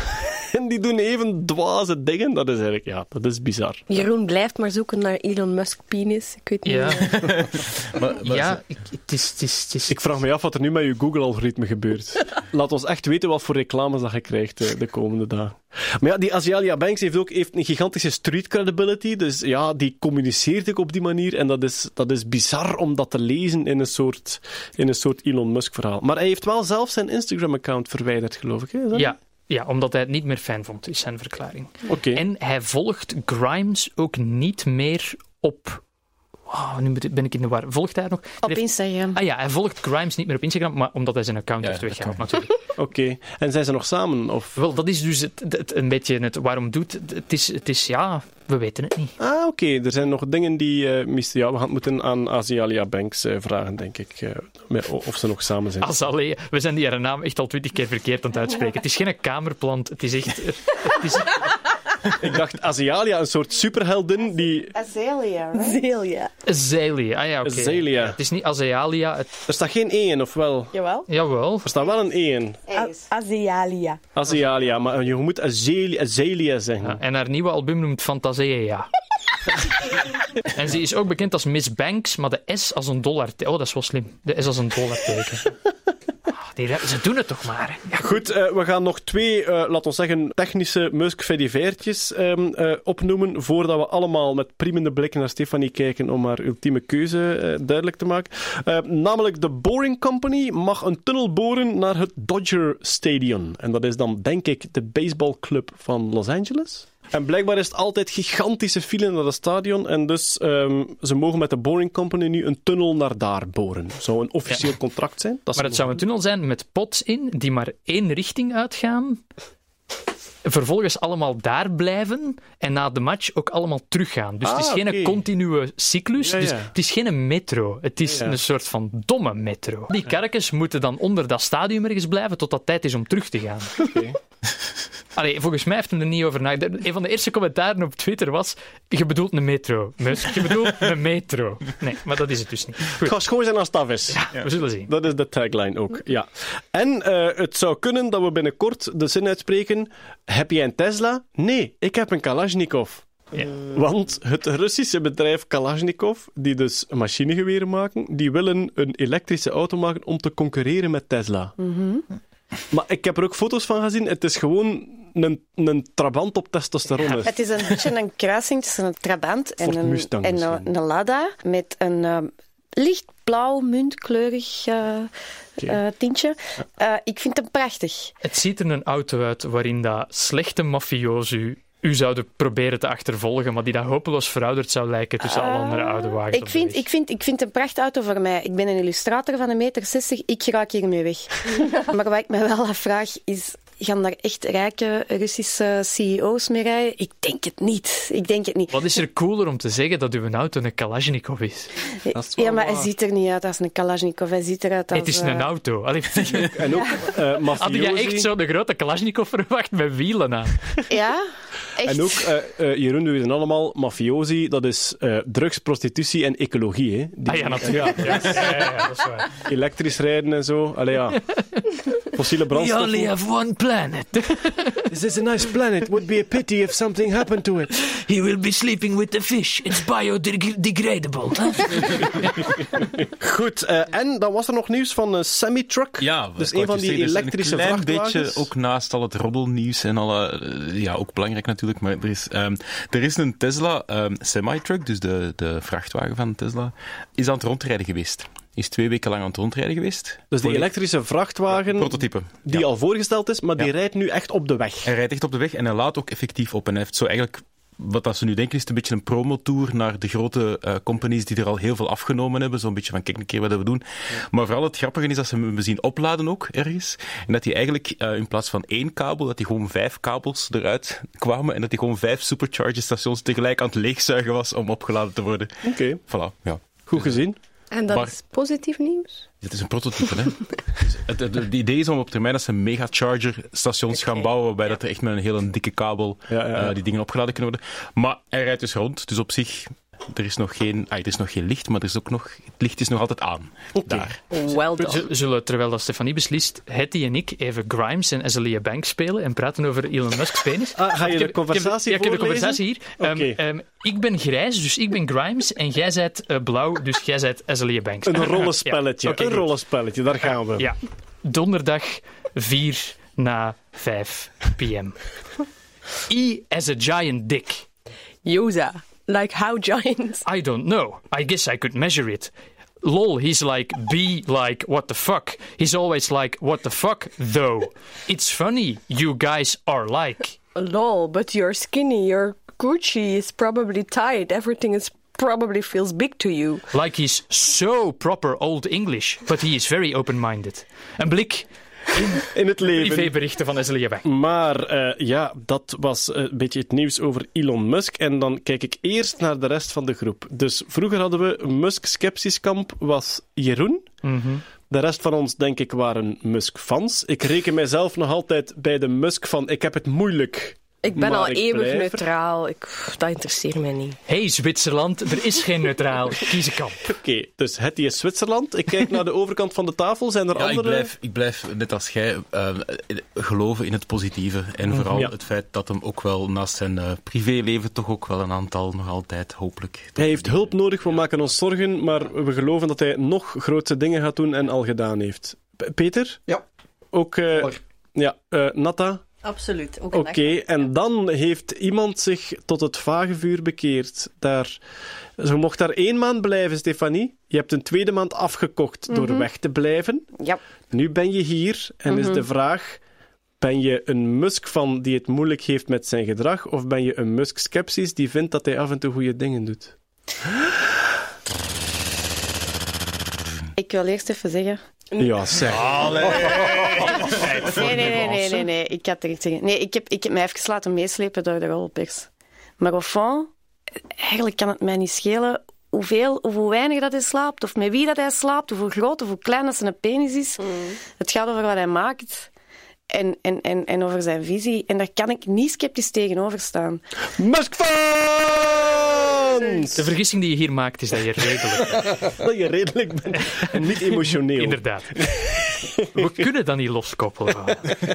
Gaat. Ja, kijk, weet je, er zijn gewoon... Er, er zijn, er- je kunt er zoveel van zeggen. En ja, er zijn, kost- mhm, dat er zijn kosten aan. Er zijn, er zijn kosten aan, een Elon. Maar mensen die zeggen van, ja, hij wil alleen maar geld verdienen. Ja, sorry, er zijn gemakkelijkere manieren om geld te verdienen dan om herbruikbare raketten te bouwen die dan simultaan op, blon, op drone-platforms Maar ja, je- van 15 vierkante meter... Jeroen zegt niet zozeer hij wil geld verdienen. Jeroen zegt he's full of shit.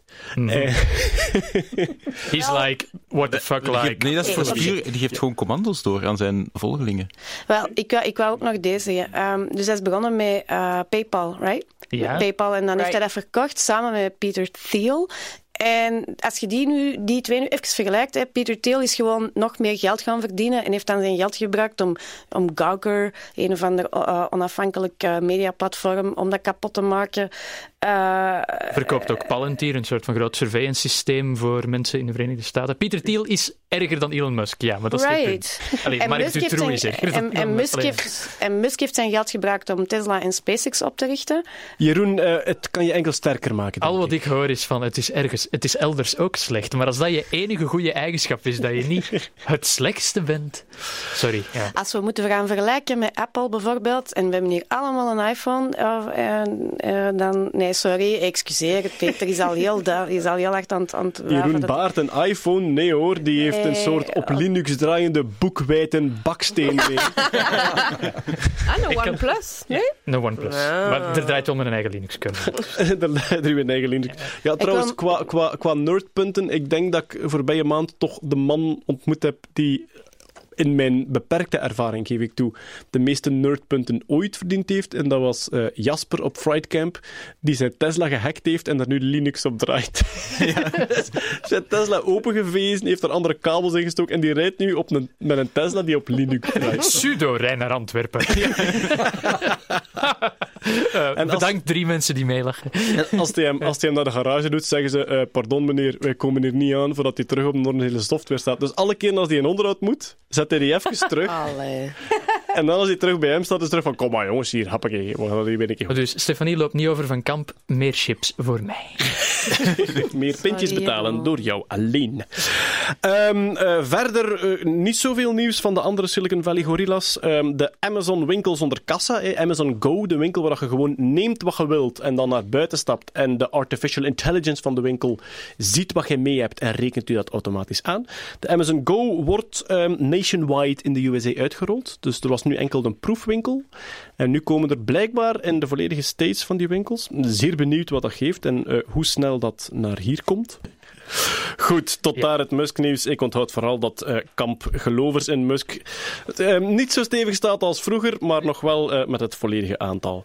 Eh, we hebben een paar recalls eh, op de vorige podcast. Eigenlijk eentje voornamelijk. Namelijk, we hadden ons afgevraagd of blinden ook duizelig worden van alcohol. hè, omdat dat dus bij eh, normaal gezien gebeurt, maar uw visueel ruimtebesef eh, anders eh, is dan hetgeen wat uw binnenoor u doorgeeft. Ehm, en blijkbaar dus wel, Stefanie. Blinde mensen, eh, mensen met een eh, visuele beperking, kunnen wel degelijk zeer ziek worden van alcohol. En ze kunnen ook wagenziek worden. En dat is waarschijnlijk omdat eh, ja, heel, heel veel hersendelen die bij ons visueel gevoed worden, worden bij hen anders gevoed. Ze hebben een heel goed ruimtebesef, oriëntatie, maar die worden gewoon niet visueel gevoed. Het is misschien die tegenspraak, dat zij ook voelen dat hun voeten andere signalen geven dan hun binnenoor en zo. Dus eh, Bruno van Hoven had mij laten weten. Bruno van Hoven is een eh, Paralympisch goalbalatleet met een visuele beperking. Die eh, liet mij weten dat hij toch ook wel ziek wordt van alcohol. En zijn, zijn broer ook, die ook een visuele beperking heeft. En dat van die wagenziekte, dat ben ik een beetje gaan opzoeken. Ik heb een, ik heb een, een heel interessante paper gevonden van de NASA. eh, die eh, een aantal mensen met een visuele beperking en een aantal mensen zonder visuele beperking in zo'n rotation room heeft eh, gezet. Hè, dus het is eh, Corioliskrachten en, en dat is echt om, om serieus mottig van te worden. En ehm, nee, er zijn, er zijn geen, geen, geen verschillen. Ja, Oké. ja, ja. Dus dat is bij deze beantwoord. We hadden nog een mail gekregen en dat ging erover. We hadden een, een tijdje geleden hadden wij bezig geweest over de computerchips en dat daar eh, hele zware eh beveiligings... Als Spec Spectrum Meltdown. Voilà, inderdaad. En toen hadden we gezegd, ehm, het is misschien niet het moment om een computer te kopen of een laptop. Stel dat nog eventjes uit. En dus eh, Jonathan had ons gemaild en gevraagd, mag het al? Dus het gaat over stukjes van een processor waarin er getallen geheim moeten blijven, maar gemene meneren kunnen, en meneer en mevrouwen kunnen die getallen toch lezen, om het even heel simpel uit te leggen. En het, het antwoord daarop is, oh, oh, we moeten die processors, die hardware ombouwen. En in de nieuwe chips van Intel, ik denk, schiet me niet dood, die hebben altijd een naam, MMM, Lake. En je hebt Coffee Lake, je hebt Cabby Lake, en nu komt er een nieuwe, nee, nee, nee, Lake uit. Ice Lake misschien, denk ik. Ik, eh, ik pluk het maar uit de lucht. Daarin zou hardwarematig, hardwarematig Schaam, schaamte leek, Serieus, en grafeen moet ik uitleggen? Goed, ongeloven leek. over mijn dood lijk? Mag ik de zin afmaken? Ja, doe Eh, maar hoor. Ja. En de nieuwe chips van Intel zouden dus hardwarematig die fouten corrigeren. Het gaat in een stukje van een processor dat vooruit denkt te rekenen en slim te zijn, maar gemene meneer en mevrouwen kunnen dat vooruit rekenen, exploiteren om geheime getallen tevoorschijn te toveren. Dus Jonathan, die nu al huilend vijf maanden zonder laptop zit, mag nu toch... Ik, ik zou zeggen, Jonathan, koop een laptop wanneer je er een wilt, want in die volgende chips gaan weer fouten gevonden worden. Het is de exploitbaarheid van die fouten, zelfs bij Spectre en Meltdown, is niet zo geweldig groot geweest. We hebben dat nog altijd niet in the wild gezien. Dus de hackers hebben er niet echt nog gigantische Nee. dingen mee kunnen doen. Zeg maar, er was weer nieuw eh, chipnieuws, want de KU Leuven Ja. had de Intel-chip, de Ja. nieuwe Intel-chip dan waarschijnlijk, had een nieuwe hack gevonden. Ja, een nieuwe er is een, een, vulnerability. een klein stukje in een Intel-chip, dat noemen ze de Software Guard Extension. En basically, om het heel stom uit te leggen, dat is een speciaal stukje processor dat extra veilig hoort te zijn. Dus als je iets zo met Oh, cryptografische... super, super veilig. Ja, ja. Als je iets Maar 20 euro meer, super, super veilig. Als je iets met cryptografische sleutels doet of zo, die passeren allemaal daar. En net daar heeft de eh, onderzoekers van ESAT, ik ga ze het allemaal zelf laten uitleggen, hebben toch iets gevonden om zelfs in de software guard modus van de processor, dus het stukje dat extra veilig zou moeten zijn, de VIP-ruimte van de processor, om zo maar te zeggen, hebben daar ook getallen kunnen lezen die ze niet zouden mogen lezen. En dat is een beetje ei op het hoofd van Intel, die al beloofd hebben dat in de volgende processor het allemaal hardwarematig gefixt zal zijn. Het, het punt van processoren is altijd, een processor is letterlijk zand dat we hebben getrikt in het denken. Dat is dat is iets ongelooflijk ingewikkeld, een processor. Hè. Dat is, zijn zoveel voltages op zo'n micro, micro, micro schaal. En ook om die dingen te versnellen hebben we zoveel... Daar zitten 40 jaar trucken van de voor achter. En nu langzaam maar zeker komen we erachter dat goh, al die trucken van de voor... Vanaf dat iedereen begint door te hebben hoe dat die processoren werken, kun je die trucken van de voor... Als je drie Uitbuiten, trucken van de ja. voor combineert, kun je misschien wel eens een prijs winnen dat je niet zou mogen verdienen. Ah, ja. Om de metafoor volledig kapot te trekken. Dus, maar het is, het is zodanig complex geworden dat, ja, dat het heel moeilijk is om daar nog een totaalbeeld van te hebben. Die computers in het museum in Londen, daar kon je zien wat dat uw processor deed, Ja. want je kon hem visueel zien bewegen. Mhm. Eh, een moderne Intel-processor is... Er heeft niemand een heel overzicht van wat dat ding doet, mentaal gezien. En dan kom je Ja. fout. Goed, maar voor de rest, qua computerbeveiliging en qua hacking, er is ook net een DEFCON geweest. Ja, er zijn eigenlijk twee grote computer security conferences geweest in eh, Las Vegas, de twee grootste van de wereld. Je hebt de Black Hat Conference en je hebt dan DEFCON, wat een beetje de White Hat Conference De stuiten en de. Ja, voilà, de goeie en de slechte. Politie en bandiet. Ja, voilà. Maar de grens tussen de twee is natuurlijk niet... ehm, is redelijk vaag. Wil je zeggen dat er stoute politie zijn?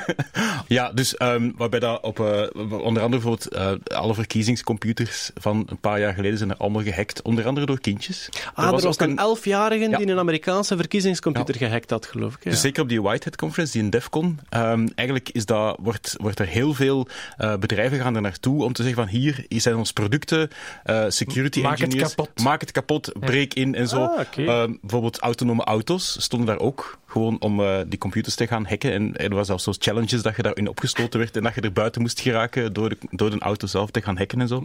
John McAfee stond daar ook met zijn onhackbare Bitcoin-wallet. Eh, ik zal u niet moeten vertellen wat er met die Bitcoin-wallet gebeurd is. Kurt, verder naar jou. Met een piemel en zo? Nee, nee, nee. nee. Het, het is gewoon, het, was, het was basically een hele crappy Android-telefoon, eh, software en hardware dat hij verkocht als dit is de onhackbare wallet, digitaal. Zo'n soort van gizmo dat hem verkocht. En ja, het zit vol met gaten. Zo. Maar dus Maar- de, de DEFCON is dat echte omgeving dat als je roept, dit kunt je niet hacken, waar dat er eigenlijk een, een dertigtal hongerige Ja, nerds rond u voor zwermen je van... zin afmaakt, is het van ik heb root, het speelt nu Doom.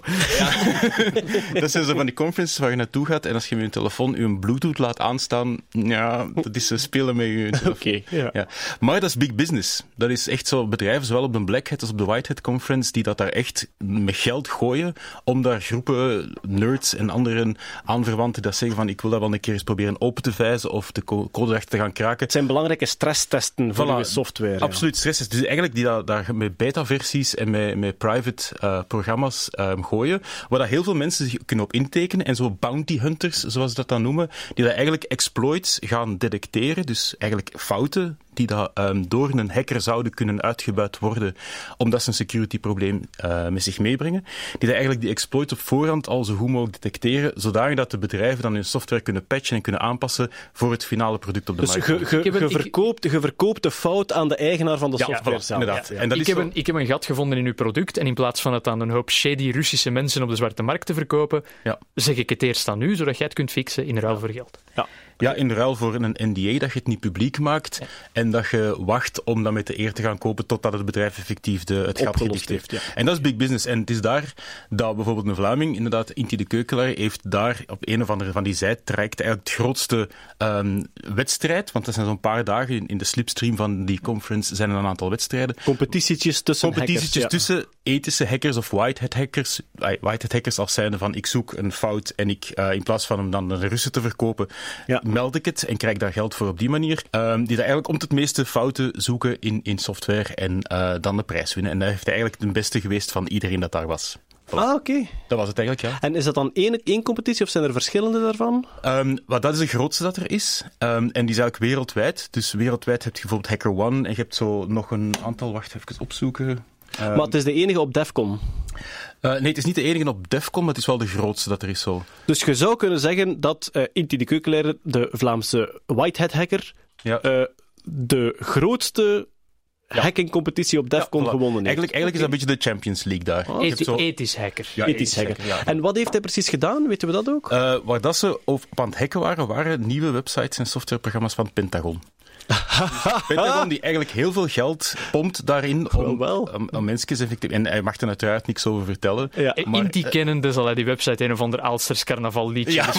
Want Inti is nogal heel Dus, into het, het Olst carnaval Ja, marginaliteitscircuit. Allee, ik weet niet of ik het marginaliteitscircuit mag noemen, maar... eh, Maar hij, ja, hij, hij Ja, speelt, hij speelt hij er speelt graag mee, mee met dat Ja, soort dingen. voilà. Was, was hij dat ook, die, eh, die ehm, via een, een Facebook-gaatje telefoonnummers Ja, kon voilà. loskrijgen? en Ah, maar dat is zo... Om nog een beetje uit te wijden over Inti, dat is een hele creatieve hacker. Dat is Dus zo, dat, dat is, dat is, dat is een hele toffe- zuiver, dat is zo niet zuiver in softwarecode, maar ook soms echt loopholes out of Ja, the voilà. box. Het is zo, Ja. het is zo als je zo een, een inbreker zou hebben die, dat, die dat een, echt heel goed een slot kan kraken, Ja. wat dat je dan een goede hacker noemt, dan is Inti een die rond het huis wandelt en langs achter een raampje vindt om binnen te geraken. Ja. Trump heeft tien jaar geleden of zo iets getweet eh, naar een bepaalde website. Die website is failliet gegaan, dat domein is terug in het publiek gekomen. Dus die oude tweet verwijst nog altijd naar een domein dat niet meer bestond. Ja. Inti heeft dat domein opgekocht en daar een van de Alsters carnavalliedje gezegd. En dan kunnen we wel zeggen van kijk, die tweet van Donald Trump van tien jaar geleden verwijst nu naar mijn Alsters carnaval. Oké, er was ook een nieuwsje dat wel echt in het oog sprong, maar waarvan ik moeilijk kan inschatten ja, ehm, welk belang het nu al heeft. En dat is een Zwitsers bedrijf, Climeworks. En die willen graag proberen om CO2 uit de lucht te halen. Dus ehm, als ik me niet vergis, willen ze echt gewoon eh, eh, CO2 uit de lucht halen. Er zijn twee manieren om dat te doen. Je kunt ofwel op de plek van de uitstoot dat eruit filteren, of je kunt gewoon uit de atmosfeer CO2 filteren. Maar ik weet niet wat zij precies gaan doen. Eh, zij willen het gewoon uit de atmosfeer halen. Maar dat blijkt dus de, de, de moeilijkste manier te zijn, omdat de concentratie aan CO2 relatief laag is. Ja. Hè, bijvoorbeeld eh, zuurstof is, is 18 tot 20 procent, eh, de rest is allemaal stikstof.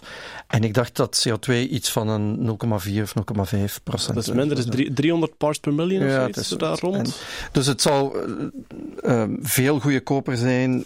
ik dacht dat ze hier zei tussen 600 en 1000 dollar per ton CO2 dat je nodig hebt om het uit de lucht te halen. Terwijl de uitstoot... Ja, en het 25 zou de uitstoot, als je het aan de, aan de uitstoot zelf doet, zou het maar een 10% daarvan van kost zijn. Ja.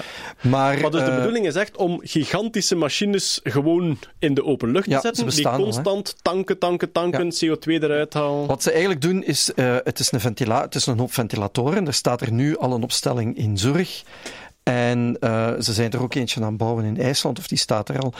Dus het is eigenlijk niet meer dan een, een, framework waar een hele hoop grote ventilatoren op staan. Die ventilators die blazen, die trekken die lucht aan. En die lucht die passeert door een filter die eh, bestaat uit silicagel bekleed met amines. En dat zou de CO2 dus capteren. Dus heel die lucht passeert daardoor. De CO2 wordt vastgehouden. En als, dat, uh, als die filter verzadigd is, dan kunnen ze die op relatief lage temperatuur, 100 graden, kunnen ze die regenereren. Dan wordt die CO2 terug afgegeven. En die kan je dan um, pakken en dan opslaan. Maar in welke vorm? Want als die gasvormig is, dan zijn je die kwijt, toch?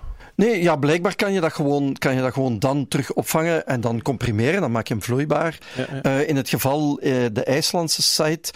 Um, die binden aan een gesteente, geloof ik. Ja, dan zouden ze hem de grond in pompen, inderdaad. Ja, ja. Dat het daar bindt aan een gesteente. Ja. En de reden waarom dat ze het in IJsland zouden willen doen, is, ja, het kost natuurlijk ook energie. Je moet al, uh, je moet al die 100 graden gaan doen. Als je dat dan met fossiele brandstof gaat doen, ja, dat lijkt me dan ook niet zo erg slim. Ja, ja, ja. Um, dat, lijkt, dat doet mij trouwens denken aan een post die ik gezien had uh, deze week over de nieuwe Tesla van de politie.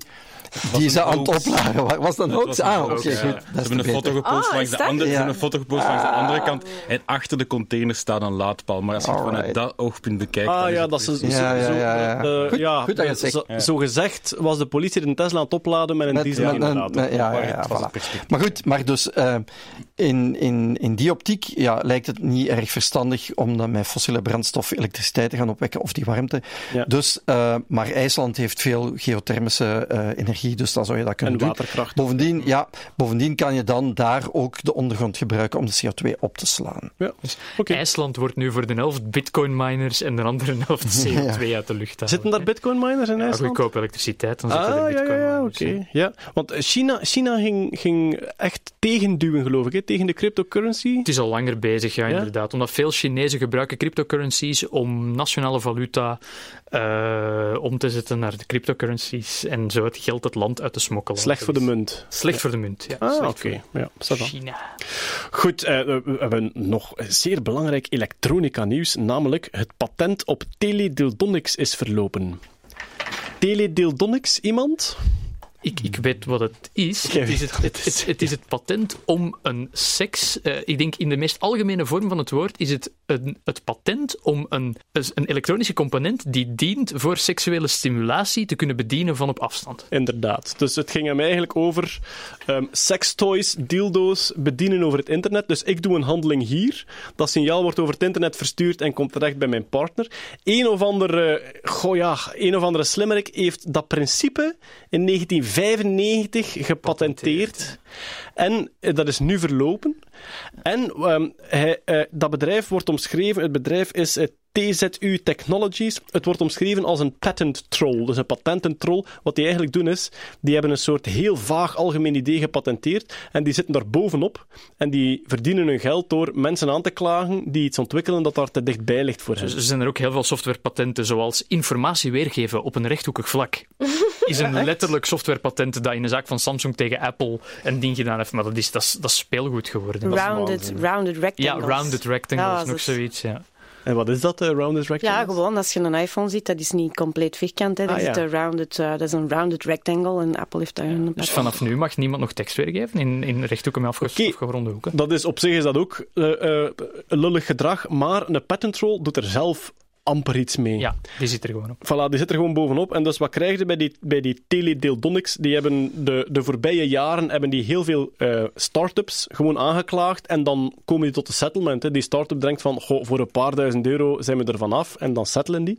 En het, is, het, heeft, geduurd, het heeft geduurd tot als een, een Nederlandse start-up via Kickstarter zo een soort seksspeeltje dat via het internet bestuurd werd, opgericht heeft.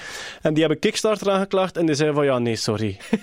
en dan zeiden ze van, ja, maar ja, die rechtszaak gaat u meer kosten dan ja, maar we zijn dat beu. Ja, die zeiden van, stek het in uw gat. Wel, dat is eigenlijk exact de bedoeling. Dat moet jij niet zeggen. Dat is van ons. Maar dus eh, nu is dat eindelijk dus volledig vernietigd. Hè. Dus het patent, trouwens, het patent komt uit de jaren 90 en echt waar, zoek het op. Er zitten technische tekeningen bij. Er zit een soort algoritmetekening en een soort beslissingspatroon bij met eh, programmeertaal zoals If penile, do this. If anal, do this. If vaginal, echt zo van dat soort Als dingen. je alle zin in seks wilt verliezen ooit, lees dat Ja, patent. Ja. Dat, dat patent is zo klinisch als iets. En vooral, het zijn, zo, het zijn nog pentekeningetjes die gemaakt zijn. En de computers die ze tekenen zijn echt zo nog die vierkante bakken waar het scherm op staat, met zo'n kathodestraalbuis erop, met boksen ernaast. Of echt joekels van Ik ga mijn wijfie plezieren met mijn Pentium 133. Dat, dat, is, dat is letterlijk ja. wat dat er is. Ja, en dus eh, goed, eh, het patent is nu verlopen en er is een gigantisch enthousiasme op de markt, omdat ze zeggen van, the sky is the limit, niemand hoeft nog bang te zijn. We gaan allemaal dat soort dingen ontwikkelen. Dus kijk, ja, hou het in de gaten. Dat Eh, wordt, dat wordt het nieuwe buzzword. Zo van, vroeger was het blockchain, daarvoor was het cloud, en nu is het van, ja, ja, ja. AI, machine learning, blockchain, teledildonics. Goed, ik denk dat we gaan afsluiten. We hebben nog eentje staan, denk ik, die wel belangwekkend is en die misschien aansluit op, eh, op de teledildonics op een gekke manier. Er is in een zeer oud botfragment, hebben ze genetisch onderzocht, en de eigenaar van dat botfragment was een kruising van een Neandertaler moeder en een Denos, Denisovan vader. Hoe zeg je dat in het Nederlands eigenlijk? Denisovan. Ik denk Denisovan, ja. Ik, ik heb geen idee. Denisovan? Denisovis of zoiets. Ja. Dus Den- Denisovan, het Neandertaal en Denisovan zijn alle twee ehm, niet echt voorouders van de moderne mens, maar Het zijn- neven en nichten. Hè? Ja, aftakkingen van eh Denisova-mens heeft Jeroen Denisova. gevonden. Ah ja, ja. Dus z- het zijn geen voorouders van ons, maar we hebben een gemeenschappelijke voorouder ja waar dat we het zijn aftakkingen van de stam van... de Heidelbergiensis.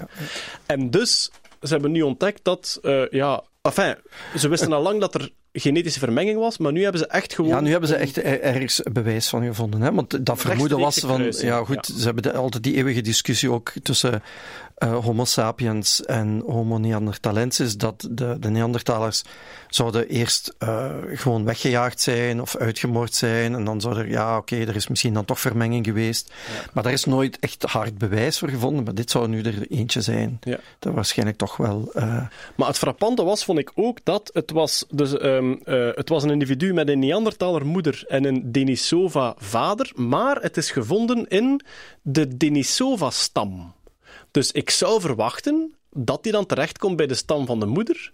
Maar die is eigenlijk meegenomen, wat dat toch eigenlijk wil zeggen dat de je, stam van de je, vader, zit- je zit waarschijnlijk dan niet met hele losse seksuele contacten, want die vader is daar dan negen maanden bijgebleven en heeft dan na een tijdje die de Kind kleine meegenomen, meegenomen ja. naar die, naar die Denisova-stam. Of die kleine was kei ambetant en die moeder die zei na een half jaar: Hier, gast, pak hem mee. Dat heeft hem van- je ook gekke er iets van zeggen, niet?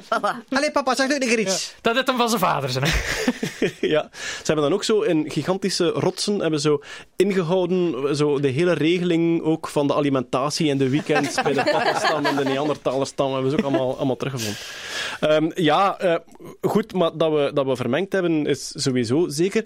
Maar ik denk dan, met de vondsten die nog komen en die er al zijn, met dat genetisch onderzoek, gaan wij toch echt om een duur een redelijk goede stamboom kunnen opbouwen van waar wie met wat vermengd heeft en Ja, maar hij blijkt veel ingewikkelder te zijn dan. Ja, dat dan gaan we dachten, vooral merken, hè, denk ik. Oké. Ja. ja, veel ingewikkelder. Ja.